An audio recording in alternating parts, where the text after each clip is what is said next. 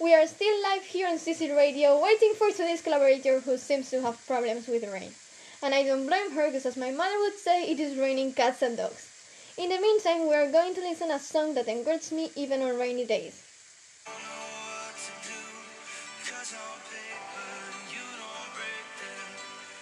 just not fair the way you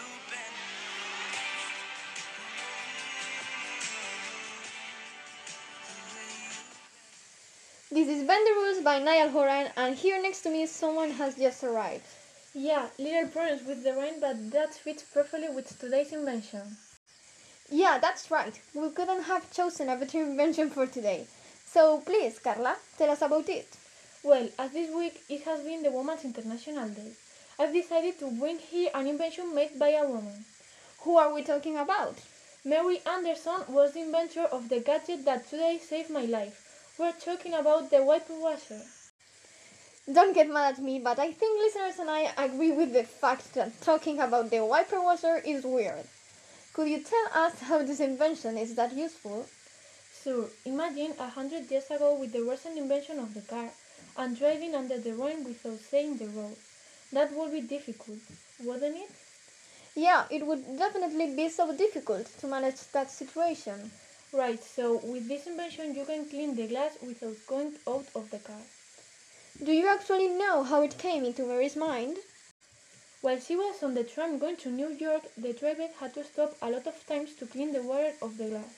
The tram delayed and she had a lot of time to think about it. Was it a lot of years before car's invention? She had the idea that winter died in 1902 and it was commercialized in 1905, almost 20 years before car's invention. Wow, I guess that are so many accidents saved by a piece of iron. Well, now we'll let you a couple minutes to ask some questions about the wiper washer on Cici's Instagram.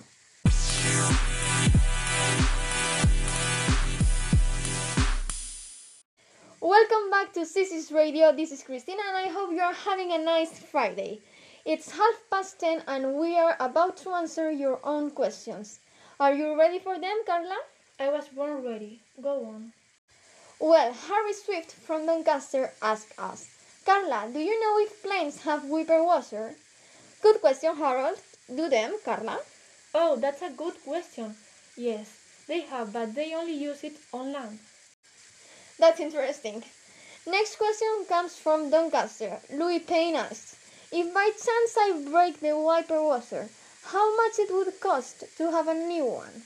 Well, I hope you don't break it, but if you do, you can buy another one for 20 euros more or less. I don't know how you could break it, but it isn't expensive at all. Thank you, Carla, for this new invention and for answering these questions. It is a pleasure to be here one more week. It is always a delight to serve Fridays morning with you while learning something new. 11 o'clock on the morning, this is CC Radio Podcast. My name is Christina Clermont and I hope you have a great Friday afternoon. See you tomorrow here on your favorite place at the same time.